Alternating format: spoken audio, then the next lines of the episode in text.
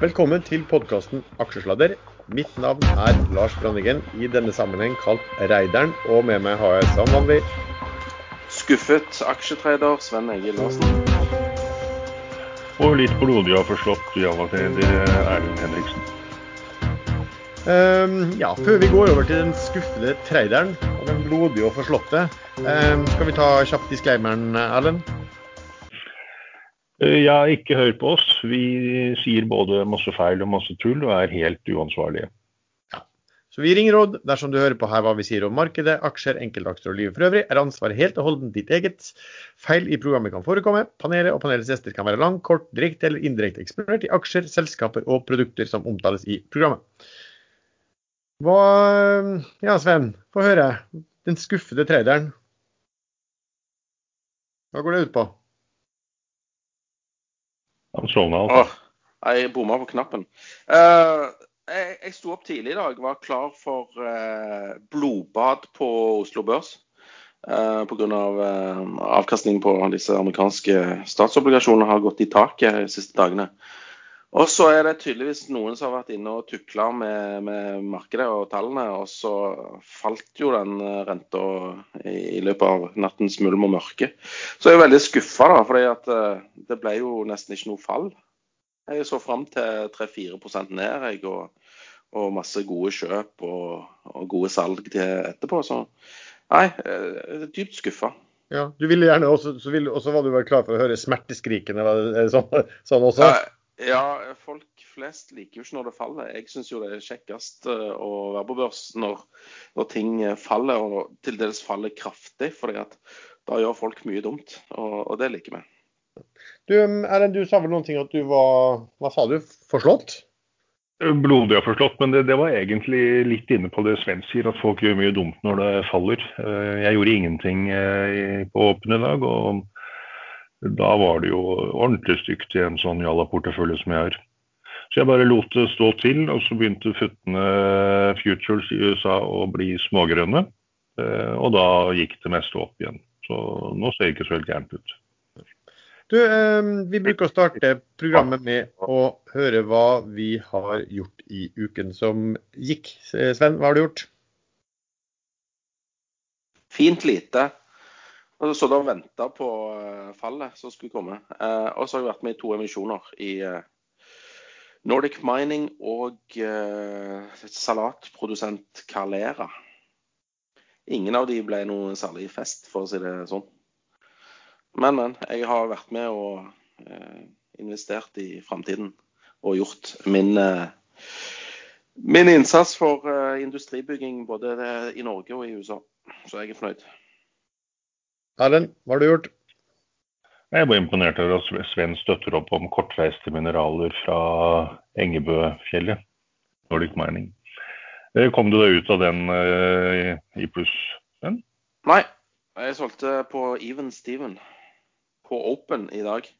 Fordi at uh, de som jobber i Brønnøysundregistrene altså Meldingen om at kapitalen var registrert, den kom helt tidlig i dag. Så de var vel egentlig ferdig med det i går.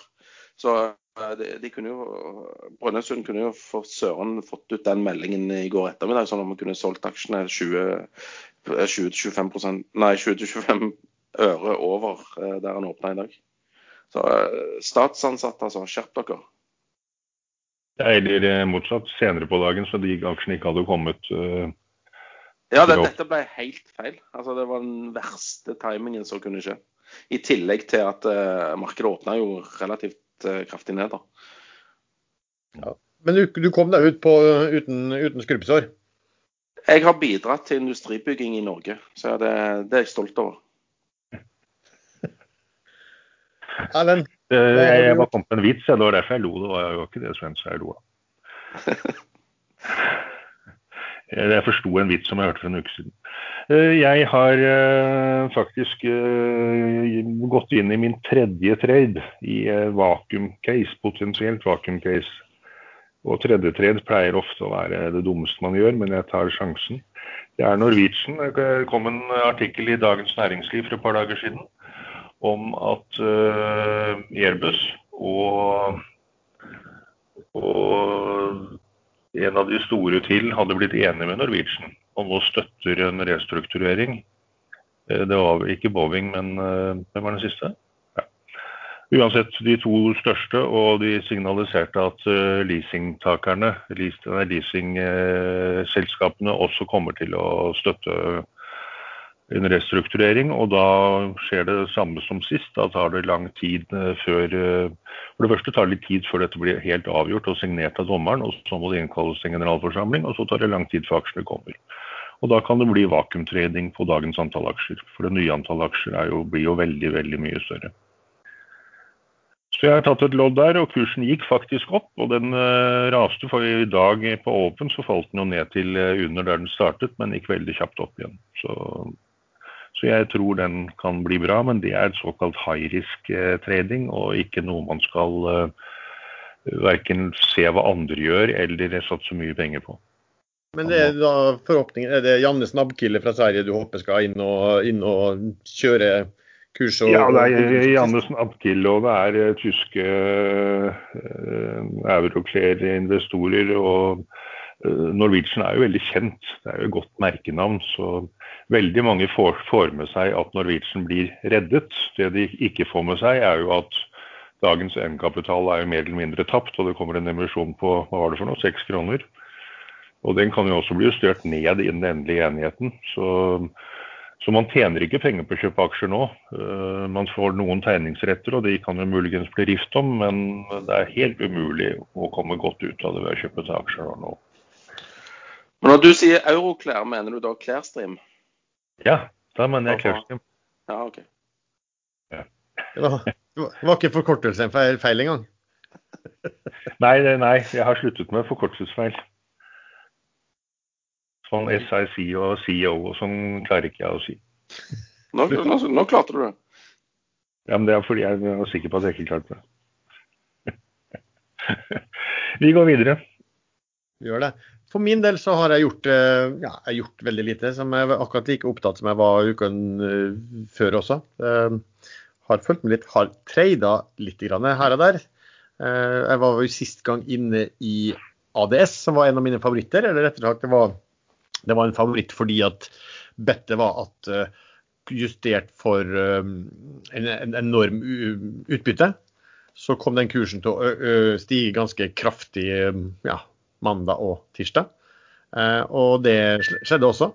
den, hvis jeg husker riktig, så var vel den rundt når vi snakket om den, så var den ca. på 19,6. og man kunne kjøpe den på 18,5 da på fredagen. Og så kom jo, nei, ja, kursen var på 19,6, og så kom utbyttet eh, på fredag på 18,5. Så snittet var da på 1,1. Og kursen gikk jo da, eh, gikk jo da fra 1,1 til ja, godt over totallet.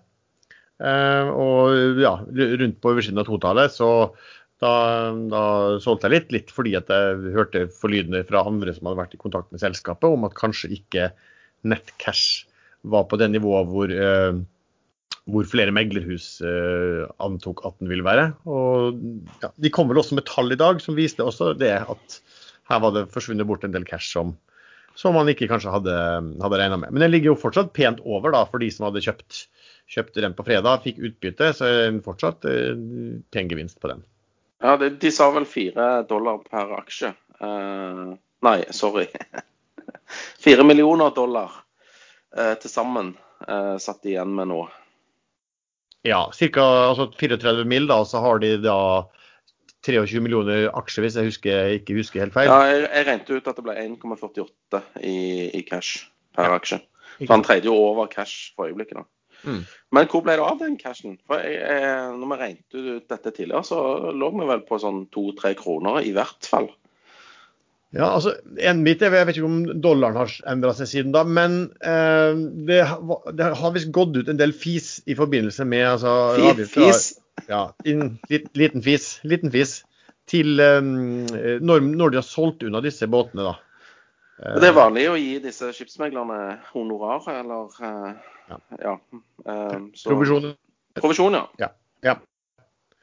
Og det er vel eh, egentlig det er vel litt det som Arne Fredli har holdt på å snakket om også i, i shippingselskapet, hvorfor det har mye har vært dårlig. Han har ment liksom at mye av det har Når regnestykket har kommet, så har det vist seg at mye penger har forsvunnet i provisjoner både hit og dit. Så ja, sånn er det vel. Det har vel sikkert stått i det er vel, ja, fort også. Ja, da, da sto, da sto en oversikt over de best betalte yrkene, eh, og da var skipsmegler på toppen. Så det er vel kanskje en grunn til det.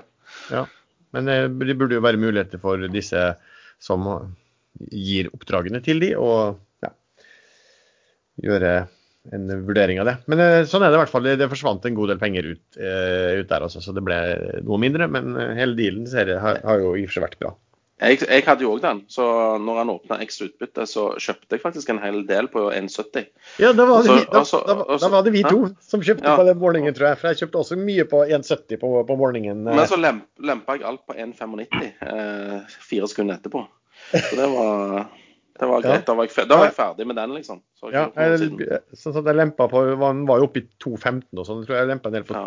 ja men, ikke så grisk, jeg, vet du. Jeg, Nei, jeg lemper, men jeg tror jeg lempa mellom 1,97 og 2,13 stort sett. Ja, du, er så, du, er alltid bedre enn meg, du. Ja, ikke alltid, men akkurat denne gangen. Stort sett er vel ikke det på trading, tror jeg. Vi, tror jeg ja, det er tydelig her at uh, enten er du litt treg, kanskje. Det kan være at du var litt treg med å trykke. Ja, altså Jeg så vel for meg at den kanskje kunne gå, kunne gå høyere også, for, sånn sett. Du, du, vet liksom aldri på den, den typen når det blir, når det blir penny stocks, ikke sant? og det blir Eh, et selskap man ikke helt vet hva skal gjøre, og så sitter mange og vet at den type, type skall har blitt verdsatt veldig høyt uh, tidligere. Ja. Så, det kunne gått uh, hvor som helst. Kunne akkurat gått hvor som helst, det er helt riktig. Men Lars, det du kanskje taper på å være litt treg, som Sven sier, det er jo at du er uh, veldig tidlig inne. Du sniker deg inn i aksjer langt opp på aksjonærlistene uten å si et ord. Ja, altså burde jeg si det. Sniktreder. Ja, det, det, man må jo nesten det i disse dager kanskje si minst mulig. Og så er det jo dessverre sånn at noen, noen selskap så dukker man jo opp på aksjonærlisten eh, mye lenge før man vil det. Hvis det er selskap som er type sånn som Havyard f.eks. Hvor, hvor jeg hadde vel egentlig tenkt å ligge og plukke mye aksjer fortsatt en god periode. og så Plutselig så er man oppe på aksjonærlisten, og så er det plutselig noen som ser det. Og så begynner det å bli diskusjon hva, hva ja, har man sett noen ting der. Kanskje vi bare kjøper litt fordi at i tilfelle man har kjøpt. Men noen har sett noe, og så ja, kan det plutselig løpe fra deg før du har fått, fått nok. Disse aksjonærlistene stoler jeg ikke på etter i dag. Jeg sjekket eh, Next-aksjonærlisten, og plutselig er jeg helt borte. Jeg står ikke som ut av aksjonærlisten engang. Så det er feil. Jeg er der. Du er der. Du er, sikker, du er sikker på at den er, den er riktig?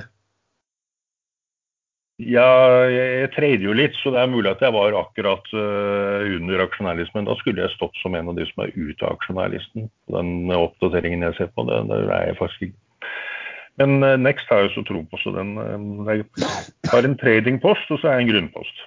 Og så satser vi på at den snart kommer med meldinger. Ja, det kan jo Ja. Jeg vet, ikke hvor mye du har, eller hvor mye du måtte ha for å, for å være på den listen. Jeg ser faktisk på Jo da, jeg ser på når jeg går inn og ser noe på den her. Der står det 'Previous Investors'.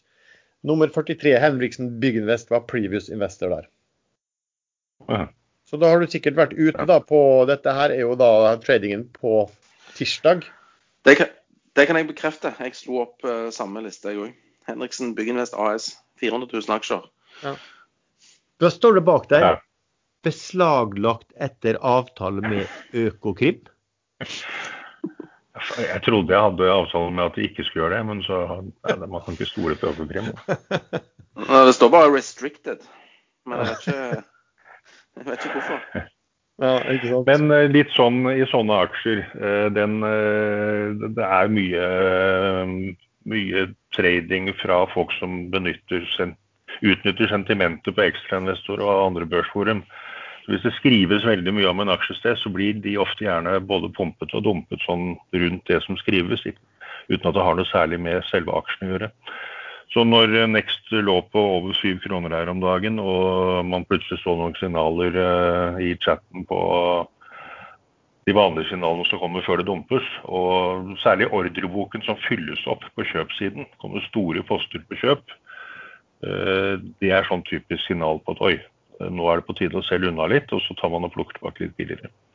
For de store postene på kjøp de burde faktisk eh, Finanstilsynet og Økokrim gå inn og se litt på hvem som setter der, for de fjernes hvis man hvis man selger ned til dem, så forsvinner de fortere enn eh, dugg for sola. Jeg vet at eh, for mange år siden så var det en investor som var veldig sånn, opptatt av å, å, følge med på den gangen på gamle Hegnar-forumet. Eh, på liksom, hvor mange tro, nye tråder dukket opp på, på selskapet. Altså, hvis det dukket opp veldig veldig mye, så, så var det liksom, da mente han at da var det snart sånn hausetoppen. Da var det på, da var det på tide å begynne å selge. Men det var vel en som, som ja, hadde vurdert selskapet ja, først. da. Det stemte veldig bra, det. Når det kom plutselig 70 tråder om en aksje, da, da var det bare å selge. Da var det ja. ferdig. Men det er jo sånn nå vet du, at uh, flere sånne hedgefond og sånn, de og, og bruker jo nå, eller man holder på å lage sånne type løsninger. Man, man, gjør det jo litt ifølge Wall Street Bets, men man vil prøve å følge med hva som skjer rundt omkring på sosiale medier. Eh, for å se hvor mange ganger den og den type selskaper blir nevnt. Og så kan man prøve å lagre men en eller annen, prøver man sikkert å lage en algoritme da, hvor mye selskaper som nevnes, og, og økningen i antall ganger de omtales, og se om det kan liksom, gjøres noen ting i forhold til trading på det. Og Det er i seg ganske, det er jo ganske interessant tenkning. Men der er vel dette norske selskapet som er store i USA, noe med Water, hva heter ikke for en? Meltwater?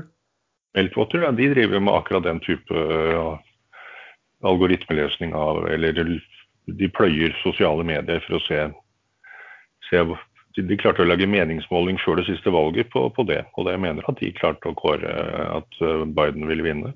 Ja, jeg, tror, jeg, er litt usikker på om de Men jeg tror ikke de bruker det til liksom å lage en slags sånn forutsigelse for, for, for aksjekurser. Sånn, ja, det burde de begynne med. OK. Meltvold, da skal, men da skal de betale godt for tilgang til ekstrainvestor. Det var faktisk noen som foreslo det på Ekstrainvestor, at man kunne lage en sånn løsning på toppen hvor man liksom eh, brukte eh, artifisiell intelligens for å se hvor mange ganger de og de ble nevnt, og se om man kunne lese noe ut av det. Så, ja, det Du kunne jo brukt sånn, der, brukt sånn 'wisdom of the crowd', eller hva det heter for noe, den teorien om at uh, når det er mange nok, så, så klarer de å finne fram til de riktige tingene. Ja, og, og ja. ja og predikere hvilke aksjer du skal kjøpe osv. Ja, det er, det, de, det er, jo det de forsøker å gjøre ikke sant? når, når bøsset begynner å ta seg opp. ikke sant? Så, og så kanskje de begynner å se på og nå begynner bøsset å ta seg litt ned. Um, og se om det kan Bøsse? Bøss, ja. The bus. Altså må prate. Bøssebærer eh, og så videre. Ja, jeg, vi holder jo på med sånn innsamlingsaksjon her hver uke. Hvor her? Nei, eh, her i Aksjesladder. Vi har jo innført eh, dedikert vips nummer nå, har vi ikke? Jo da. Vi gir ingen tips, men vi tar fortsatt vips. Og, altså, det Lars prøver å si, det er at uh, han går ut med sånn bøsse og, og, prøver å samle inn litt cash da, til, ja. til trengende tradere. Du er så ja, trengende tradere er under vi, vi, får ikke Nav-støtte, ingenting. nei, nei, nei. Kanskje dokumentere omsetningsfall eller inntektsbortfall eller noen ting, vet du. Så det er 30% du må ha hatt i inntektsbortfall. Det, det, går ikke. Nei, da får vi støtte oss til VIPS, det er jeg helt enig i.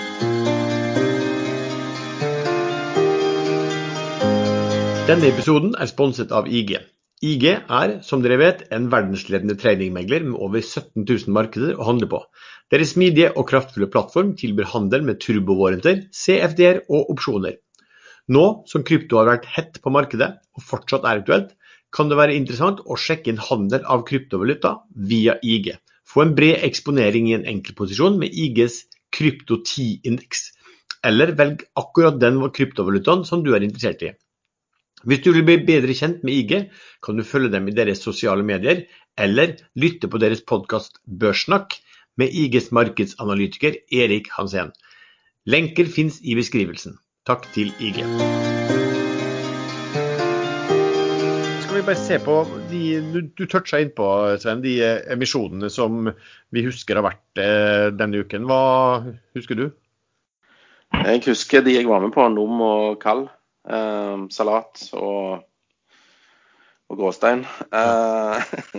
Hvordan, hvilken, hvilken, tildeling fikk du i de, da? Eh, ja, det Jeg fikk 3000 kalera av uh, 45 kroner og 50 øre. Det skulle bli sånn rundt 137 Nei, 130 000 pluss. Eh, så det ble jo da 13% ca. i den. Mm. Og så i den andre det fikk jeg nesten 50 Ja, i Nom, I ja. Nominum, Nominum, ja. Mm. Så, så det, ja. Så det er derfor den eh, ligger rundt emisjonskurs eh, as we speak. Men den måtte jo sette med 15% rabatt, så det er jo ganske tydelig da at de klarer, klarer ennå ikke å få med seg de tyngre investorer i den aksjen. Aksjonærlisten er jo det- jammerdal å se på. Det skjedde sist gang òg. De måtte gi veldig stor rabatt. Eh, Og det, og det tyder på som du sier, at det er mindre investorer som, eh, som sliter med å fylle opp boka. Mm. Men eh, de er like før eh, denne DFS. Eh, Og det sier du hver uke. Jeg liker det, ja, men nå kommer i april nå. Eh, Jeg liker bedre det andre engelske uttrykket, BFS, Bank Feasibility Study. eh, Bankable Feasibility Study. Det er en sånn man kan gå til, til institusjonelle investorer med eh, få lån eller finansiering eller andre løsninger med. Sa du, sa, du BF, sa du BFS, eller sa du BS? Jeg, Jeg tror, jeg tror han sa BFS. Ja, ja, jeg skjønte det. Jeg tulla bare med BS for bullshit, men eh, nei, eh, det var en kødd.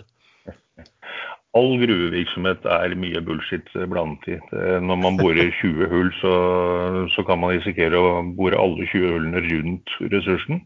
Finner ingenting. Eller man kan være så heldig at man treffer midt i ressursen, og så Det er derfor de driver med sånne avgrensningsbrønner i oljeboring og øh, gruvedrift også. Det er mye lettere med en sånn ressurs som Nordic Mining har, å finne ut hvor stor den er. For da går de både i bredden og dybden, og så finner de etter hvert avgrensningene. Men eh, sånn som jeg driver med rådiamanter i, i eh, elvegrus og isbregrus, det er det bortimot umulig å bore etter. Det er, det er mye bullshit rundt sånn. Du, Sven, eh, ja, Sven, sa du noe, hvordan gikk det med Calera? Er du, ut, du var ute av den, eller? Uh, ja, da fikk jeg en hel krone. Ja. Så det er fantastisk. Pluss og pluss. Ja. Jeg har blitt veldig fascinert av at Calera har eh, steget etter IPO-en. Jeg skjønte ikke konseptet i det hele tatt. Bygge, dyrke salat i innendørsbygninger i etasjer. Det er klart det er arealbesparende og sikkert eh, lettere å kontrollere eh, ufyselige dyr, som snegler og mark og eh, fluer og sånn. Lite, lite brunsnegler eh, i heisen, liksom. Men dette er vel også sånn at folk lager det privat hjemme og leverer, eller er det har jeg misforstått helt? Mm, Hæ? Nei, vet ikke, Jeg har ikke satt meg inn i det selskapet i det hele tatt. Jeg syns bare det var så luftige priser. Men det er andre folk som har kjent seg rike på salatdyrking, så hvorfor ikke? Ja. Men eh, var det noen av dere som seg, eh, i, prøvde å tenne dere i Nell? Nei. Nei, det er det aldri noen grunn til. Den faller jo alltid under emisjonskursen. Ja, hva var emisjonskursen på deg? Rundt 25, var det ikke det? Nå ligger den i ja, ligger, er jo- faktisk eh, Den er oppe i dag, da. Hva er det nå? Den er på 25,40 nå. Det tror jeg faktisk er første gang Nell har eh, vært litt trege med å sette ned emisjon. De, kunne, de hadde jo hen nesten halve januar på seg til å sette den på over 30 kroner. 24,75 var kursen. Ja, nå er den 25,40. Mm. Så, men der, eh, de har jo vært eh, verdensmestere, olympiske mestere i å sette emisjoner på til riktig tid og fylle kassen hver gang det har vært mulig. Men nå ventet de litt for lenge, og så falt kursen da med, med 5-6-7 kroner før de satte emisjonen. Ja, men sånn kan man ikke vite, da. Det, de har jo likevel, den har jo likevel steget ganske pent over lang tid. og De har vært de er flinke fortsatt, syns jeg, å, å, få, å få satt Ja, hentet inn penger. Krig, krigskassen sin. Dette er mer sånn som i et godt ekteskap hvor man egentlig gjør alt riktig, så gjør man en liten tabbe, og så er alt ødelagt. En historie fra en uh, ungarer jeg møtte på fjellet en gang, men den kan jeg ikke ta her. jeg, jeg putta den inn i feil hol én gang, og så ble alt ødelagt sånn.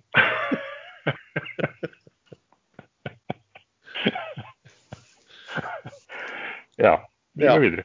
Du, eh, ja, vi har jo hatt noen nye noteringer på, på børsen. I dag så har vi Rana Gruber, og så har vi også hatt vel Arctic Fish og Arctic Bioscience eh, som har kommet på børs. Eh, Rana Gruber er eh, den, jeg, jeg fikk jo faktisk tildeling i alle de tre, men Arctic Fish fikk jeg bitte lite i, så det var knapt nok verdt å nevne. og den er vel, Jeg husker ikke om den nå tror den er litt ned.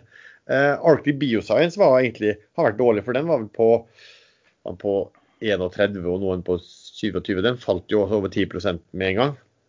Så den var dårlig. Men Rana Gruber var heldig og vant vel sikkert loddtrekning med å få litt aksjer. Og den er, jo, den er, jo, pent opp i dag. Den er på 65 kroner, så den er 30 da, opp eh, dag én.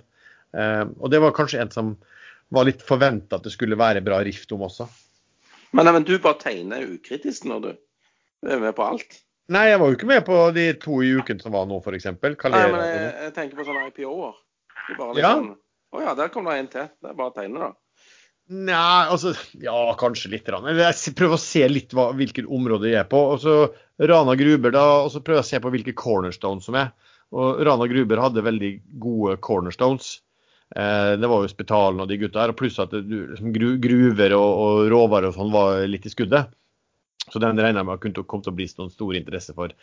Eh, Arctic Fish og Arctic, ja, Bioscience. Det var jo også noen, noen flinke folk som vi vet om som var med på den. Men eh, Conviction var ikke sånn like stor der. Jeg tegna meg vesentlig mer i Rana Gruber enn de andre, da, for å si det sånn. Så er det en ting med Rana Gruber. De, er, eh, de som driver selskapet, de er jo ekstremt flinke. De har vært tidlig ute med alt. De er jo snart eh, CO-nøytrale og har skjønt hvilken vei sånn må gå. Nesten alt er automatisert. De bruker færre folk, færre maskiner, mindre alt for å få større utbytte. Det er en såkalt lavkonsentrasjonsgruve, men de er verdens beste på å hente ut mye fra lite. Fra lav konsentrasjon. Veldig sansen for dem. Jeg har ikke tatt dem selv ennå, men eh, det er, det er en sånn man burde vurdere å ha som en ha som en eh, longpost. Nå ringer de fra sykehuset her. Nei, jeg driver faktisk et firma på siden her, og det var derifra. Men uh, nå satt jeg den på lydløs litt sent i dag, beklager det.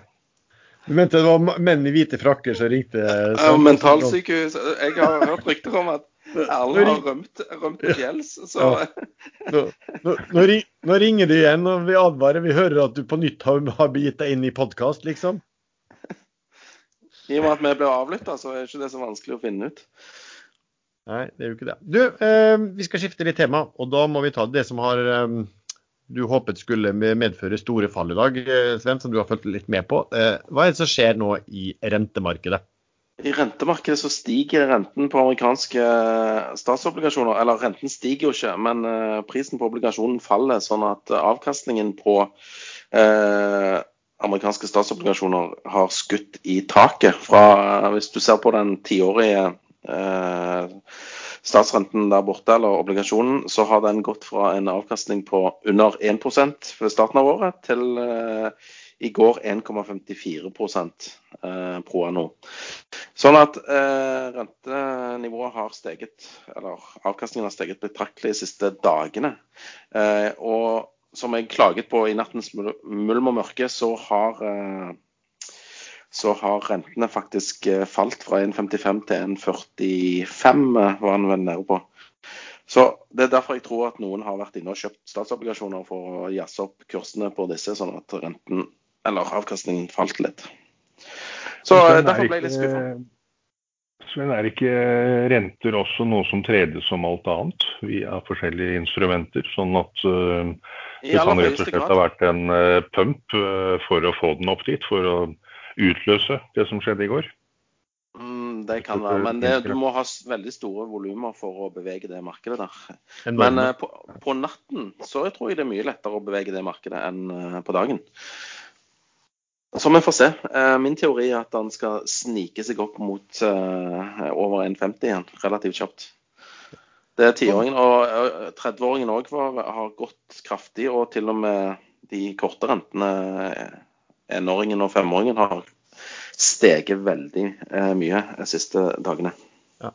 Kan ikke du forklare litt, bare Sven, sånn, implikasjonene på økte renter på statsobligasjoner. Hva, hva, liksom, hva, gjør det med prisingen i aksjemarkedet?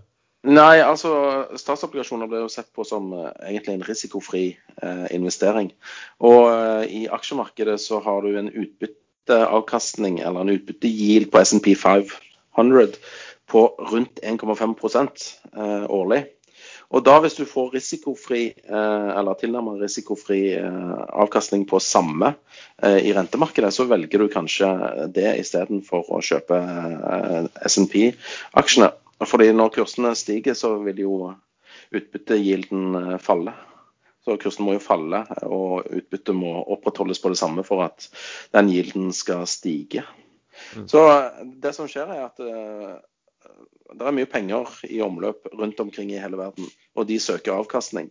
Og Hvis du da kan få en trygg avkastning eh, risikofri, så velger du den fremfor å ha risikoutsatte investeringer. Mm. Jo bedre rente du får på det som er risikofritt, jo mindre fristende er det å gjøre ting i aksjemarkedet. ikke sant? Også. Riktig, og det er veldig mye penger der ute som har søkt avkastning lenge og tatt til takke med return of capital istedenfor return on capital. Så uh, ja, nå, nå, får du plutselig rente, og det, det er jo attraktivt. Ja, også, Men så har vi en annen ting som, som gjør det her også. er at de selskapene som i dag hva skal vi si, forventningscase, da, som forventes tjene pengene egentlig, ikke nå, men en, langt i framtiden, de, de, har vært litt sånn vinnere når renten har falt. Fordi at hvis du liksom tilbakeregner alle det, det de skal tjene i framtiden til i dag, um, så blir de ikke straffet for at det ligger langt fram i tid hvis renten er veldig lav. Men når Nei, for, øker, du, ja, for du neddiskonterer til en lav rente fordi ja. at rentenivået er lavt. Ja. Og, men når renten begynner å stige, da blir, hva skulle du si, da blir den type som har eh, overskuddene, inntjeningen sin, antatt langt, leng, mye lengre fram i tid, eller lengre fram i tid, eh, da blir de mindre verdt. Eller hva? Fordi at du må øke neddiskonteringsrenten. Korrekt. Så det er liksom grunnen da til at, også til at vi ser en del smell på, på en del tech og på mye i grønn, grønn sektor også. Ikke sant? Det kan jo være boble, at mange syns det er boblepriset i seg, og det har mange kanskje snakket om. Men også fordi at da økt rente slår spesielt hardt kanskje på den, på, på den, den, type selskap. da, De som ikke er i inntjeningsmodus på en god stund ennå. Ja, altså du må tilbake til Tina. Altså, Det har ikke vært noe alternativ til, eh, til avkastning eh, fra børs. Men eh, nå begynner du å få et alternativ. Mm. Den hopper forresten og går opp. Rana Gruber nå inn i 67 kroner, eller 66,99. Ja, du, det ble avlytta, sa jeg. Veldig, jeg fikk faktisk et uh, inflasjonsvarsel på e-mail nå fra Maxbo. Jeg driver jo i den bransjen. Varsel om prisendring 1.4. Uh, og det er uh, senvirkninger av korona, nedstengninger, uh, økte priser på det meste. Og faktisk veldig god etterspørsel worldwide etter etter sånne produkter. Når folk er hjemme, så driver de og pusser opp og gjør sånne ting isteden. Så fra 3 til 7% prisstigning på det meste fra flislim til eh, dører og vinduer og takprodukter osv. Helt opp til 20 fristigning på, på trelast. Eh, og 26% prisstigning på trebaserte plater, sånne OSP-plater og sånne ting. Det er ganske voldsomt. Alt av råvarer har jo gått eh, ganske kraftig opp siste, eller siden nyttår. Så det, er jo en av innsatsfaktorene i økonomien, eller eh, hovedinnsatsfaktorene til mye. Og når prisene på det som skal puttes inn i produktene går opp, så må jo eh, type produktene òg settes opp i pris for å Ikke sant.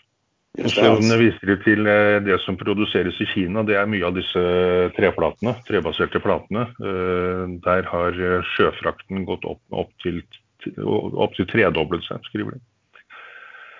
Og da kan man jo igjen se på hva man skal investere i på børs. Det er jo tørrbulk. Det er ikke det som man nå tror kan bli det store framover. Allerede begynt. Jeg så at futuresen i det markedet steg kraftig i dag tidlig sentralbankene, eller amerikanske sentralbanken, de er jo ekstremt opptatt av, av renten. Hva, hva, tror du de tenker om det som skjer nå, og hva, hva kommer de til å gjøre? Nei, De har jo ønska seg litt inflasjon, eh, i hvert fall. Så dette er jo måten å gjøre det på. Så får vi håpe Eller vi håper jo egentlig den kommer ut av kontroll, gjør vi ikke det? Sånn at det blir skikkelig action her. Eh, nei da. Vi får håpe at de har kontrollen på dette her, og at eh, inflasjonen ikke løper løpsk. Men jeg, jeg, tror de faktisk eh, Det var en av Fed-gutta som var ute i går og sa at eh, at gilden eh, på obligasjonene stiger, det er i tråd med vekstutsiktene for resten av året. De mener jo at økonomien skal ta, hente seg kraftig inn etter hvert. Mm. Men tror du de vil akseptere Eller tror du kanskje at, at renten stiger en del? Eller tror du og at kanskje at de er litt redd for at aksjemarkedet kan bli litt uh, boblebasert. og så, Sånn sett så syns de det er greit, eller hva? hva? De, jeg tror de syns det er greit, i hvert fall hvis det ikke stiger kraftig. Fordi De har hinta òg om at uh, det er litt uh, utakt mellom uh, altså prisingen av aksjer og økonomien generelt. Mm. En annen ting er selvfølgelig at amerikanske sentral, altså myndighetene går med enorme underskudd. så klart at Hvis de må begynne å betale høyere rente på lånene sine, eh, så ser jo ikke det statsbudsjettet der ut. Eh, men det har de jo løst elegant ved at eh, penger som staten går med underskudd, får de egentlig reelt sett av nytrykkede penger fra, fra sentralbanken. Så lenge det går an. Akkurat nå når vi snakker her, så kom det en børsmelding fra svenske Fingerprint om en type sensor eh, som er akkurat den, eh, akkurat den samme som eh, Next lager. Ja. Og Next var alene med den eh, da de kom, og den de utviklet sammen med en stor partner som har alle de store kundene. Uh, den er fra Fingerprint. De har bilder av computeren sin. Det har alle mulige typer fleksible løsninger, kan bygges inn overalt. Og Fingerprint er selvfølgelig en gigantisk eh, konkurrent til lille Next. Fingerprint er kjent i markedet, de har nesten hele mobiltelefonmarkedet. De, så når de nå kom med børsmelding om det, så solgte jeg halvparten. Live trading. Det tar nok, litt tid, eh, tar nok litt tid før den meldingen synker inn, men jeg beholder eh, beholder 200 eh, 000, så hun, litt under halvparten. De er, de er gone før sendingsslutt, de, altså. And it's gone. And it's gone. Det er ikke mulig, men eh, når man trader, når man eh, trader litt sånn high risiko-aksjer som har gått allerede veldig mange prosent fra bunnen, så må man reagere kjapt når det kommer meldinger som kan være helt disruptive. Jo, jo, altså det, det, er jo litt det vi har snakket om også. at Man kan si en ting en dag, og så um, men man må jo ta inn, seg, inn over seg ny informasjon. Istedenfor å lukke øynene og være forelsket i en aksje, så må man liksom bare kaldt og rolig se har det kommet ny informasjon. Og Det du gjør du nå, du tenker liksom, betyr den informasjonen at caset ditt er eh, nøytralt sterkere eller svakere? og så kontrollerer du at ok, det ser svakere ut, og så må du bare vurdere ja, hvor mye svakere, selvfølgelig. Men eh, det er jo sånn man må tenke som investor. da. Absolutt. Men, da er eh, det strong sell på Next, da? Er det det vi var enige om? den kom vel fra tre kroner eller sånn, to kroner for ganske nylig, gjorde den ikke det? Men de, fikk, de fikk jo satt, men de fikk jo satt emisjon, da. Også. Ja, ja. Flinke folk. Ja, den var faktisk eh, for eh, akkurat en måned siden som var under tre. Hva var det du sa nettopp, Sven? And It's gone. Ja, nå er jeg én aksje igjen. Eniskon. Det stemte jo, det. Eniskon. Det lå skjult kjøper på 670. Da lå jeg faktisk kommet ut med alt i pluss. Ja, det er godt jobba. Men nå var du på ballen. Altså, Du fant ny informasjon som endra din oppfatning av caset. Det er sånn. Det, det, det, det, sånn. Og så uh, er det plutselig en eller annen tulling som limer denne her inn i uh, ekstrainvestorchatten, og så har du snøballen rullende. Så skal alle ut av ut av Next og kjøpe Fing istedenfor. Hva, hva heter det gruveselskapet som var oppe i Narvik-området der som gikk så grusomt over ende for en del år siden? Northland. Northland. Jeg husker jeg eide jo obligasjoner i det. Og så kom ja. det jo med en eller annen jævlig dårlig melding. Og så lå faktisk obligasjonene på samme pris. Eh, og jeg husker jeg kunne selge deg vet du, på den prisen der. Og det, ja, noen timer senere så var jo den prisen ikke halvparten engang. Av og til er det litt sånn deilig å kunne Det er veldig deilig når du ser noe, og, og så finner du ut at her er det faktisk noen som har veldig lyst til å ta imot fortsatt. Den forstår jeg faktisk ikke den dag i dag at du klarte å få. Det var det 93% du fikk. Jeg, jeg, jeg syns det var helt hårreisende høyt. Han gikk jo i null kvarter etterpå. Ja, det var ikke så ille. Det tok en stund, men den var betydelig lavere ganske kort tid senere i hvert fall. Ja. Så det, føltes, det føltes liksom litt å komme ut liksom med Ja, lykken var absolutt bedre enn forstanden i, i det tilfellet. Men, eh, men, det er jo sånn. Skal vi se. Nå, skal, skal litt, nå, kan jeg ha litt action her. Nå skriver jeg liksom i chatten nå. Eh, nå har Erlend Henriksen solgt, for han syns dette er en grusomt dårlig nyhet for Next. Og så Se hva som skjer. Nei, jeg skal ikke gjøre det.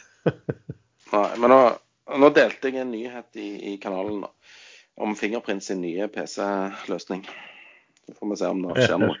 Jeg satt akkurat du skulle skrive på den, ja. du kan, jo, kan skrive, du kan jo skrive at det er konkurrerende med Next hvis du så folk blir liksom uh, oppmerksom på det. Det er jo litt interessant det å se hva live aksjekurset, hvis, hvis, hvis, hvis, folk er enig i den tolkningen også. Men er, eh, Jeg skrev i chatten i dag tidlig at jeg vurderer ut dagen om jeg faktisk vurderer å selge meg ut av det meste uansett før helgen. For det nedsalget i går i USA det var ganske brutalt. Og når futtene går opp, så er det ofte noe som skjer for å gjøre markedet modent for å kunne hive ut enda mer. Og det er fredag i dag.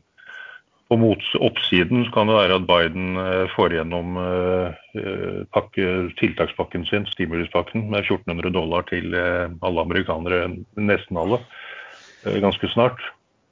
Tenk 1400 dollar per person rett inn i Robin Hood-appen. Det blir ja, fest. Flotte helikopterpenger som går rett til aksjemarkedet. Jeg bare så en sånn headline som glei forbi meg. Der det var en sånn meningsmåling om hvor mange av, av de amerikanerne som, hvor mange av de som hadde tenkt å bruke de pengene på å kjøpe aksjer. Det, det var veldig mange, faktisk. Så, ja, det er helt vilt.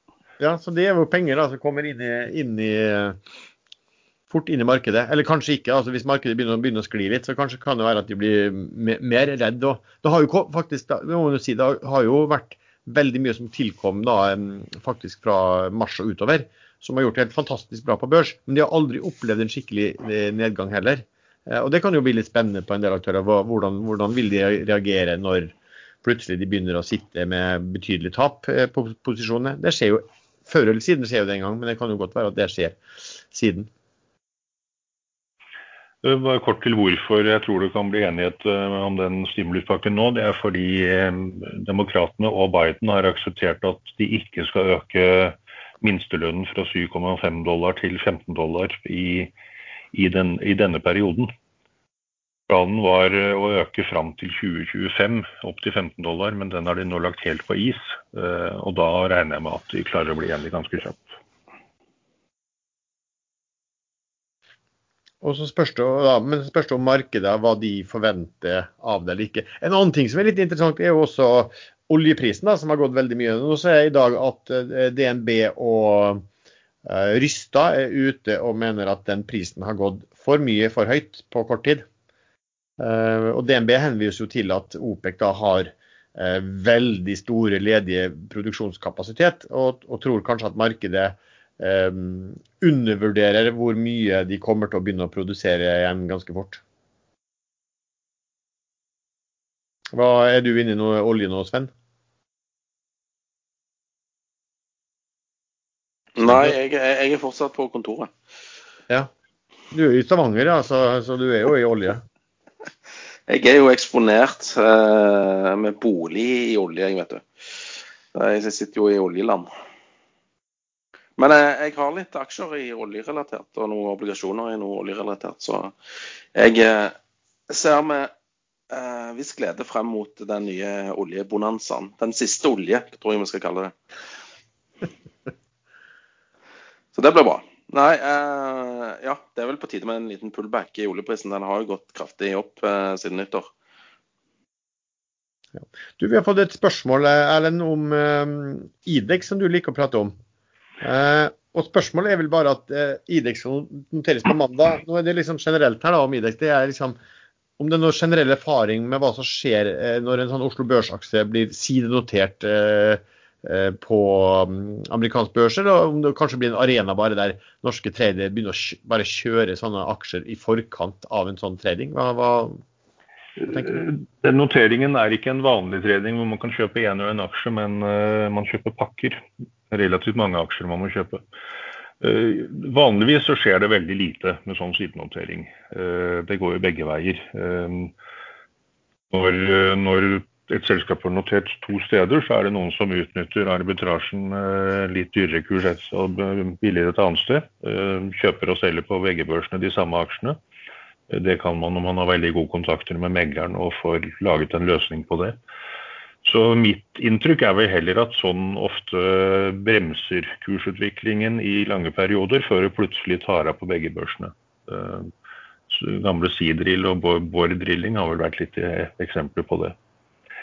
Men eh, akkurat når det gjelder Idex, så vet man jo hvem som står bak selskapet. Det er jo halvparten av eh, Sleip og Ussel, som det blir kalt i gamle dager. Keat og Fussel.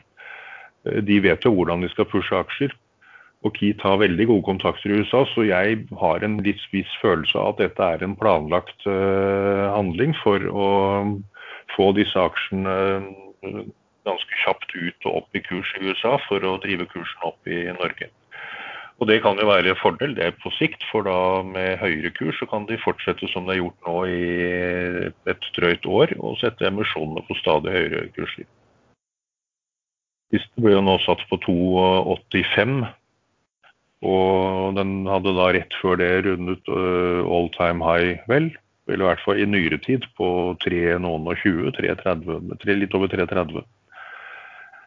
Så sånn Tradingmessig så tror jeg det er eh, bull, eh, men ingen garantier for det. Jeg har den ikke selv akkurat nå, men plutselig er jeg inne igjen.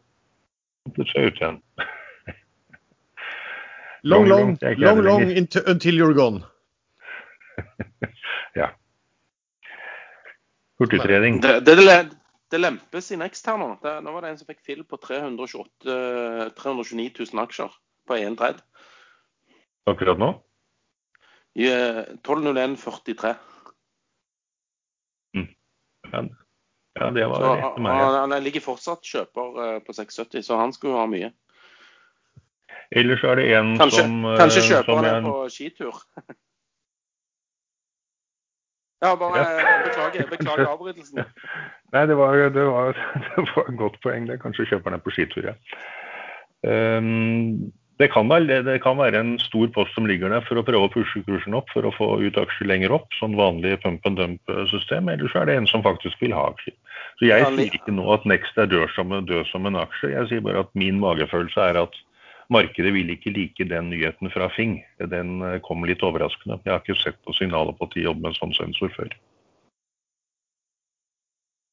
Sist gang så snakket jeg om at vi hadde satt i gang en videosite der vi samlet eh, presentasjoner fra selskap som heter Incurate. Og vi har jo også gjort en del eh, sendinger for eh, børsnoterte selskap. Forrige uke så hadde vi da eh, bl.a.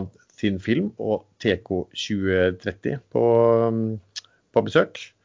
Eh, og vi har jo også da hatt eh, Huddlestock eh, på nå i går på besøk. Hvorfor fjerna du den der eh, videoen med Monica Milf som kom med aksjetips?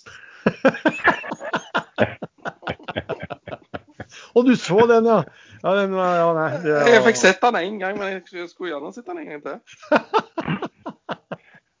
du var redd for sånn uh, mannegruppa Ottar-stempel?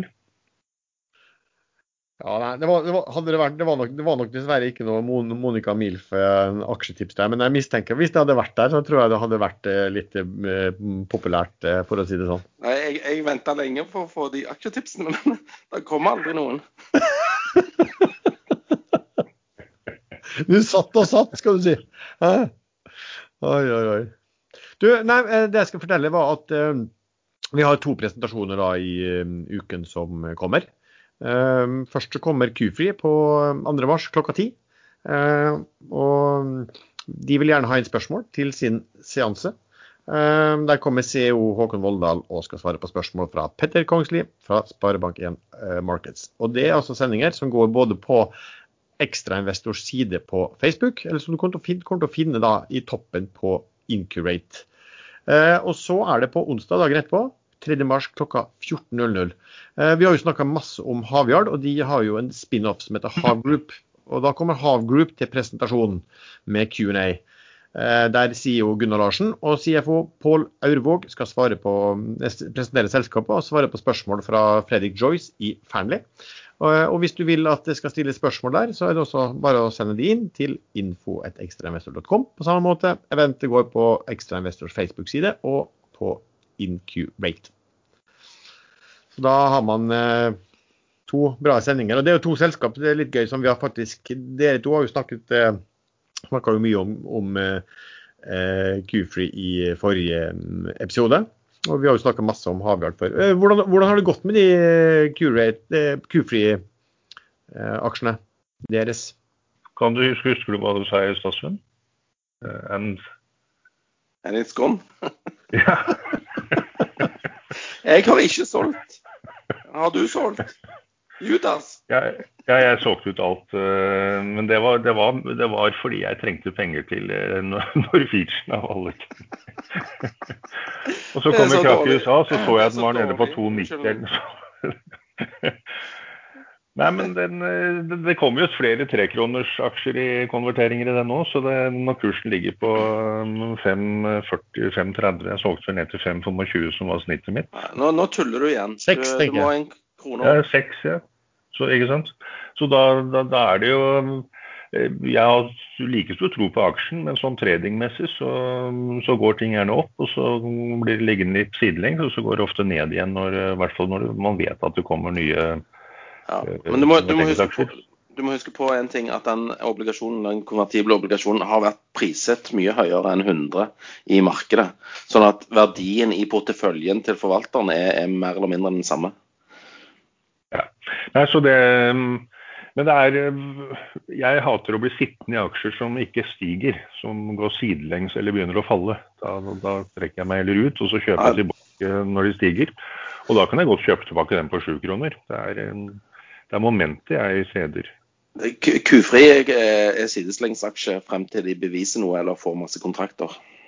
Ikke sant.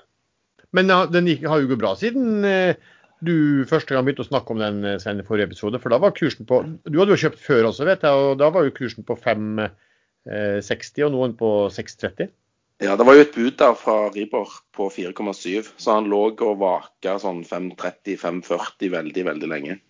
Og det var da der jeg fikk kjøpe, da. Så det var jo hyggelig. Men eh, ja. han er oppe en krone siden, men sånn i det Altså, det er jo bra prosenter hvis du tenker sånn, men det er jo ikke noe jalla-opplegg.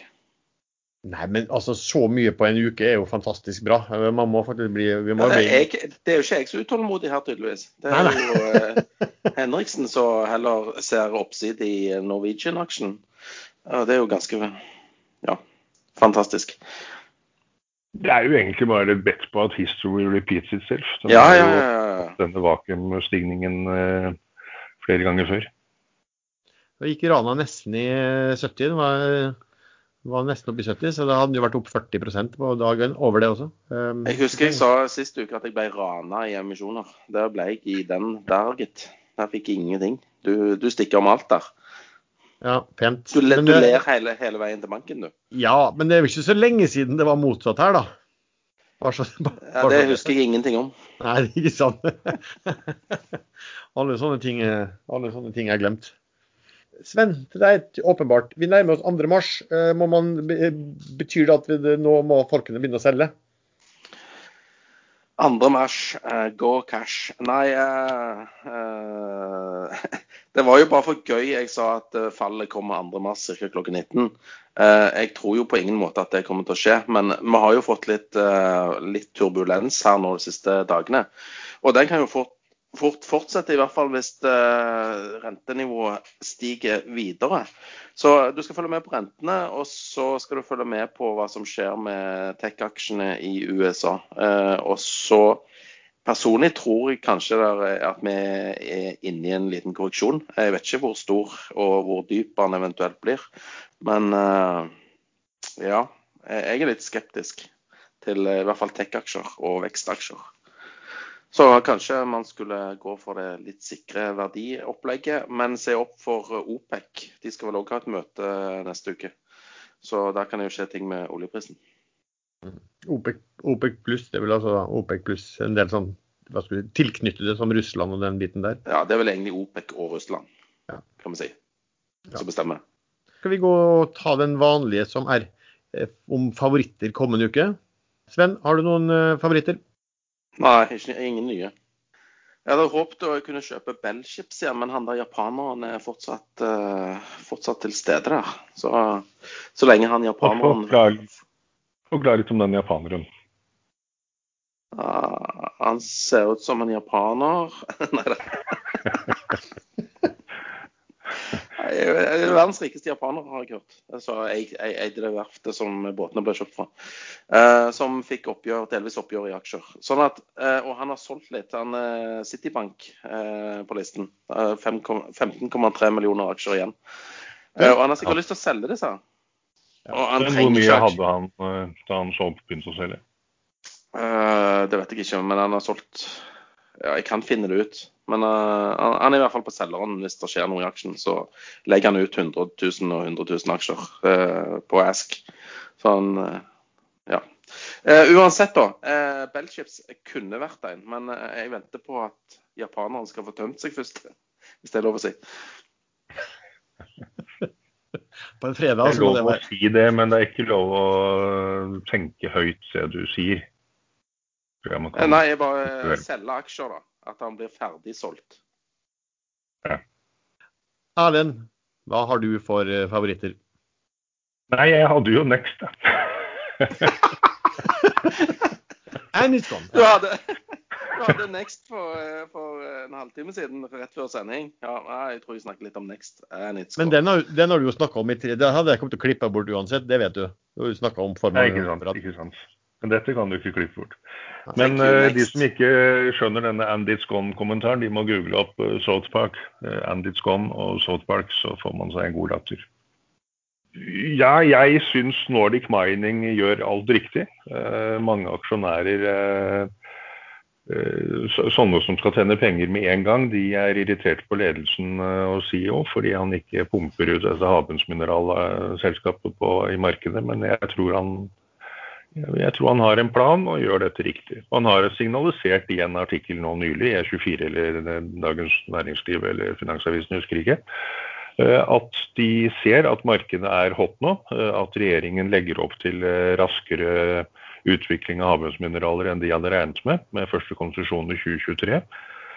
Uh, og så har jeg vel nevnt før at jeg har denne DFS-en som nå er utsatt til april, men den kommer. Så jeg tror det kan være et veldig godt kjøp på rundt emisjonskursen som den ligger på nå.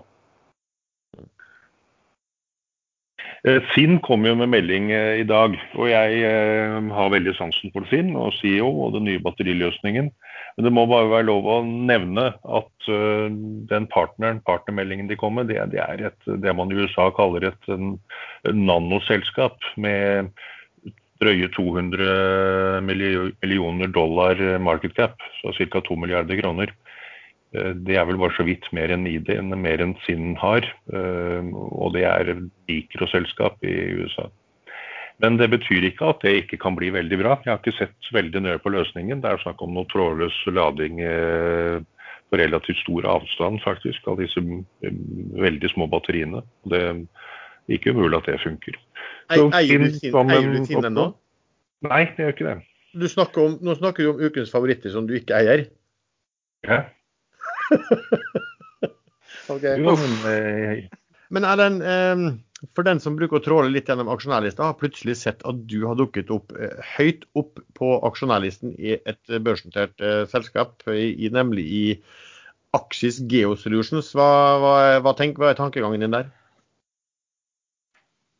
Det er jo et selskap som eh, nå er under konkursbeskyttelse i Norge. Det har vel ikke børsmeldt at de er under konkursbeskyttelse, men Eh, det finnes så mange kilder til informasjon på børsen, og jeg mm, har hørt rykter om at de allerede har utnevnt, dommeren har utnevnt en eh, konkursforvalter. Eh, en restrukturør, hva heter det for noe? Noe sånt noe.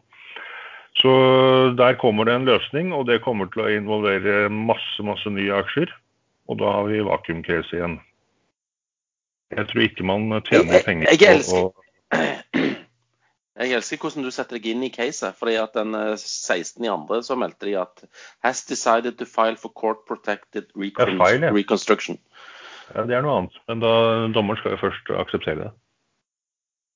Ah, OK. Ja. Okay, ja. Den, den, ja, det gjorde 16. decided to file. Altså, det, det er en slags sånn chapter 11 der dommeren skal sette seg ned med kreditorene og finne en løsning her.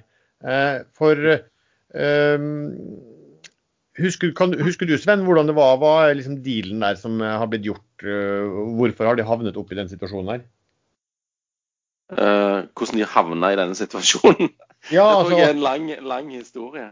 Uh, men det er jo fordi at uh, seismikkmarkedet har vært ræva.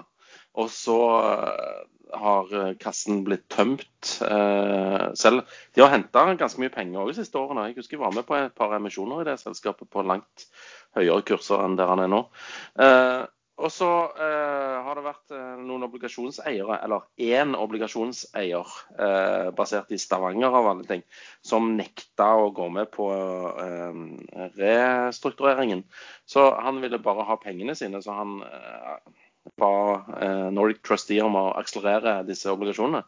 Og, og, og, og kreve å få penger for selskapet det, det selskapet skylder.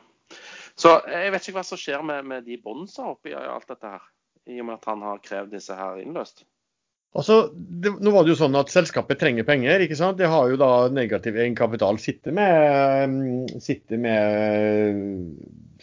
store sånn multiklientbibliotek som de har skutt. Blant annet sånn et som de har skutt da, for, som de har i bøkene sine til 25 millioner dollar, som de har skutt sammen med eh, TGS på Utsira. Utsirahøyden.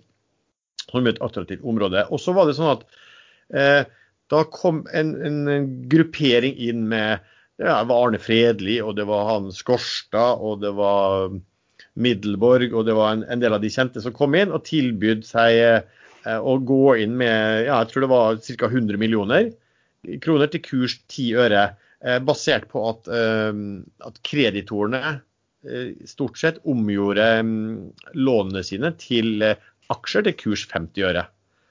Eh, og så var det slik at han som du snakker om, altså, eh, det var et annet sånn seismikkselskap, eh, litt ukjent hvem det var, som mindre aktør, som hadde lyst til å gå sammen med Aksis. Hvor, hvorav Aksis valgte og, og at den løsningen med, med Fredelig og co. ville være bedre. Og Da ble han tydeligvis irritert, for da kjøpte han seg opp i en stor nok andel av obligasjonslånet, som gjør at han kunne torpedere den dealen. Så det er egentlig det han har gjort. da. Han har bare sagt at nei, han vil ikke gå med på den dealen der. Jeg har ja, stor obligasjon, vi skal akselerere pantet og hva vi måtte ha der. Så, og Derfor er det da de har kommet i en sånn chapter 11, norsklignende chapter 11-løsning, hvor, hvor en dommer må finne ut hvem som skal um, komme ut med Altså hvil, hvilken refinansieringsløsning man skal velge her, da. Skal, og det skal vel mye til at den ikke involverer utstedelse av en mengde, mengde nye aksjer. Helt sikkert, uansett. ja. Og Da må det innkalles til generalforsamling, og da har vi ventetiden igjen. Og Da kan det være, kan det hende at den aksjen begynner å tredes eh, på dagens antall aksjer. Og Der fikk jeg meg en liten sånn overraskelse. Eh, ja, Sven? Nei, eh, jeg skulle bare utbryte i forbannelse. Hvorfor kan vi ikke bare slå driten konkurs en gang for alle og starte på nytt da, hvis dette er så jævla hot? Sånn, ferdig. Ja, det er sikkert bedre for mange, og det kan jo fremdeles skje. Eh, hvis ikke de blir enige med eh, konkursforvalteren om en løsning, så er det jo konk. Men eh, nå står jeg på aksjonærlisten med 750 000 aksjer. Jeg tenkte at her, eh, det er sånn urundt tall, det er så vanskelig å regne kursen, så jeg økte til en million aksjer. Koster jo bare 40 øre. Eh, og så lå det en post til der som jeg tok med meg med det samme, så da tok jeg litt mer. Eh, og så begynte jeg så sjekket jeg aksjonærlisten. Det hadde jeg ikke gjort før. Jeg ante ikke hvor mange aksjer det var i selskapet. Og begynte å se på plass 50 og bla meg oppover. Jeg kom helt til plass Nå ligger jeg faktisk på fjerdeplass på aksjonærlisten med 2 av aksjene. Det, Gå for det var jeg ikke klar over. Pallen er ikke så langt opp. Da må jeg bare, da må jeg bare 15-doble. OK, det er såpass, ja. Men det skal jo ingenting å komme opp her også. Jeg må bare bryte inn og si til min forskrekkelse at jeg er kommet opp selv på, på topp top 20, i hvert fall, i dritten. jeg, jeg, begynner å, å, lure på mine medpodkast-medlemmer her nå. Hva faen er det dere holder på med? 1 649 466 aksjer ligger på plass nummer to. Og den eieren har 2,8 mm. Det er jo Havila, altså Sævik-systemet, som eier 26 mm, av selskapet. Eh, de, var, de, var, de var vel opprinnelig altså, har vel egentlig vært tenkt om å være mer sånn finansielle investorer i det. For de har vel båter fra Havila som er, er da leid inn til, mm, til Aksis. Altså, du, du liker de Sævik-aksjene du, Lars? Ja. Ja, den forrige ble jo, ble jo Den, vanvittig den bra. ble bra.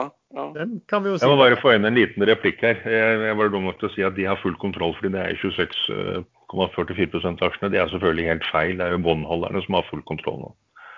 Ja, Så ikke, ikke sant. Men det, det du kan si da, at ehm, hvis jeg skal bare, å- Årsaken til at jeg kjøpte det her, er jo en eh, fordi at Erlend begynte å spørre meg om det. og, og, og han, han ville kjøpe, og han sa at her, her, er- Lars, her kan det komme et vakuumcase. Men, men her er du inne Så- privat og ikke via Bygginvest. er privat, ja. Så det, så, men så begynte jeg å se litt på, på, på tallene der. Eh, og altså, det det er jo potensielt, hvis dette her snur og det biblioteket deres eh, har en bra verdi Nå hadde de vel en negativ egenkapital med en 8 millioner dollar per nyttår, så jeg. Men så har de jo et bibliotek på eh, 35 millioner dollar, eh, hvorav 25 millioner dollar av det er eh, dette Utsira-biblioteket. Det er det er vel sånn at altså, TGS sitt bibliotek rundt omkring det er, på børs er vel priset til 2-2,5-gangeren. to. Så da har du på en måte et, et identisk bibliotek, for det var vel en del de gjorde sammen. Så, så det jeg tror de ser, da, for å si sånn, de som vil inn med nye penger, er jo at én man kan konvertere såpass mye gjeld på kurs 50 øre at, at dette selskapet har jo en uh, svært positiv egenkapital da. Og to, kan, at de kan komme inn, skyte inn nye penger til en stor rabatt på den eh, bokførte egenkapitalen. Og det er kanskje mens eh, markedet her eh, kan være i bedring. Og så, så kan du si hvorfor kjøper jeg da noen aksjer på 40 øre når det er noen som står klar for å skal, og vil inn på 10 øre? Eh, jo, det ene er vel fordi at eh, Erlend er ekspert i, i, i, i vakuumcase. Men det andre er vel at de har sagt at eh, det må jo selvfølgelig, hvis noen skal inn med penger, så må det også gis eh, anledning til aksjonærene eh, å bli med på det. Eh, så du vil vel sannsynligvis få Best case så blir det jo emisjondeltakelse emisjonsdeltakelse med warrants, sånn som Finn gjorde. Det er en, elegant løsning. Genial løsning. Ikke sant. Og det skal Da får selskapet inn penger spredt utover hele neste år også.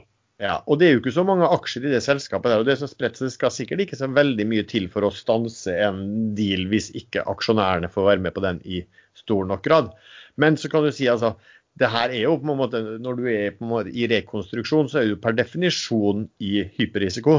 Eh, Det beste med dette selskapet er at det har vært, kommet, vært spilt inn to ulike forslag til å løse det. Um, og den siste da fra Fredelig og Co. innebar jo at absolutt alle kreditorene hadde sagt ja, utenom han ene som da kjøpte lån og, og satsa på bakbeina. Så ja. Men Så er det jo Emisjonen vil bli satt på ti øre, sånn, sannsynlig. Ta det som et utgangspunkt. Men konverteringen av aksjene, den, eh, den ligger jo en del høyere. Eh, Så det er spørsmålet hva er egentlig selvkosten til de som, eh, som, de som har kjøpt seg godt opp og eier en del av obligasjoner. Hva har de betalt? Hva er reell selvkost? Er den eh, 40 øre eller 10 øre eller lavere? Nei, jeg vet ikke, jeg vet ikke om, om du har sett noe Sven, på hva, de kan ha kjøpt i obligasjonen for der. Men han som kjøpte det, var mer, han var ikke så finansiell. Han var mer at han ville presse Aksis, som jeg forsto det, til å fusjonere med et annet selskap som han hadde en stor eierandel i. Han som er rekonstruktør, om han kan gi beskjed til han som har kjøpt båndet, at beklager, altså dette blir dealen. Er det sånn, Erlend? Det mener jeg det er, eh, men der eh, må ingen arrestere meg hvis jeg tar feil. Men jeg er ganske sikker på at eh, en rekonstruør faktisk kan bryte gjennom. Ja, jeg mener jo at du må Men det hadde vært fint om noen kan øh, sjekke opp øh, og korrigere.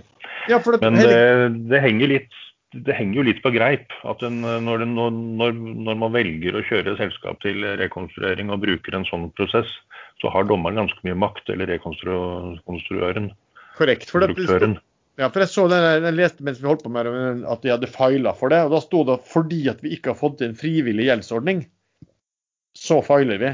Og det må jo på definisjon da bety at han som skal håndtere det, har muligheten til å fortelle at sånn blir det. Eh, noe Stavanger-basert eh, greier. Nei, jeg er overgitt det. Sven, er du, er du skuffet over meg nå? Nei, det, det var vel bare et spørsmål før du, før du mista det, du òg. Nei, Sven, til og, med, til og med Thomas Nilsen så ga meg jo delvis rett i tankegangen min. Om å- at, hvor- eh, at du bør du kjøpe Axis. Nei, Sa Thomas Nilsen at du bør kjøpe Axis? Da, da står ikke verden til påske.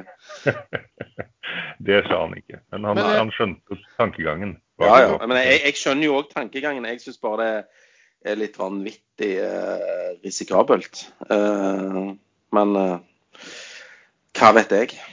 Porteføljen er jo da den er jo plassert sånn, altså beløpene er jo i hvert fall for min del eh, deretter også. da. Så jeg tror jeg kan si bare sånn at folk lurer på om, liksom, om du, du er long her. her er, for min del så er jeg long until it's gone. Og det kan gå veldig fort. Ja, nei, men, Nei, det er, eh, selvfølgelig. Skal vi se, har du noe andre mm, Erlend, eh, enn en den? Det var jo din dette her egentlig, Lars. Er det min nå? Jeg Kan dere noe særlig om Otello? For jeg ser det diskuteres en del Ja. i eh, chatten, og DNB har kommet med en analyse, og kursen ligger nå på rundt 30. Jeg har den ikke Ja. oppe i eh, Der mener de fleste som regner på den, at den burde egentlig være verdt eh, over 40, kanskje 44. Jeg har eh, faktisk hatt den på Nå, nå rappa du en av de jeg skulle ta som en liten eh, potensiell favoritt. Jeg ga, ga den til deg. Takk skal du ha. Eh, jo, altså Otello har jo da meldt tidligere. De har noe som heter Bemobi, som er en da eh, notert der de eier en hel del, og som er notert i Brasil. Og i dag solgte de melding om at de solgte det andre selskapet sitt som de har eid, som heter Ad Colony, for 400 millioner dollar. 200 millioner eh, firm og 200 millioner dollar er basert pluss eller minus er basert på resultatene for 2021.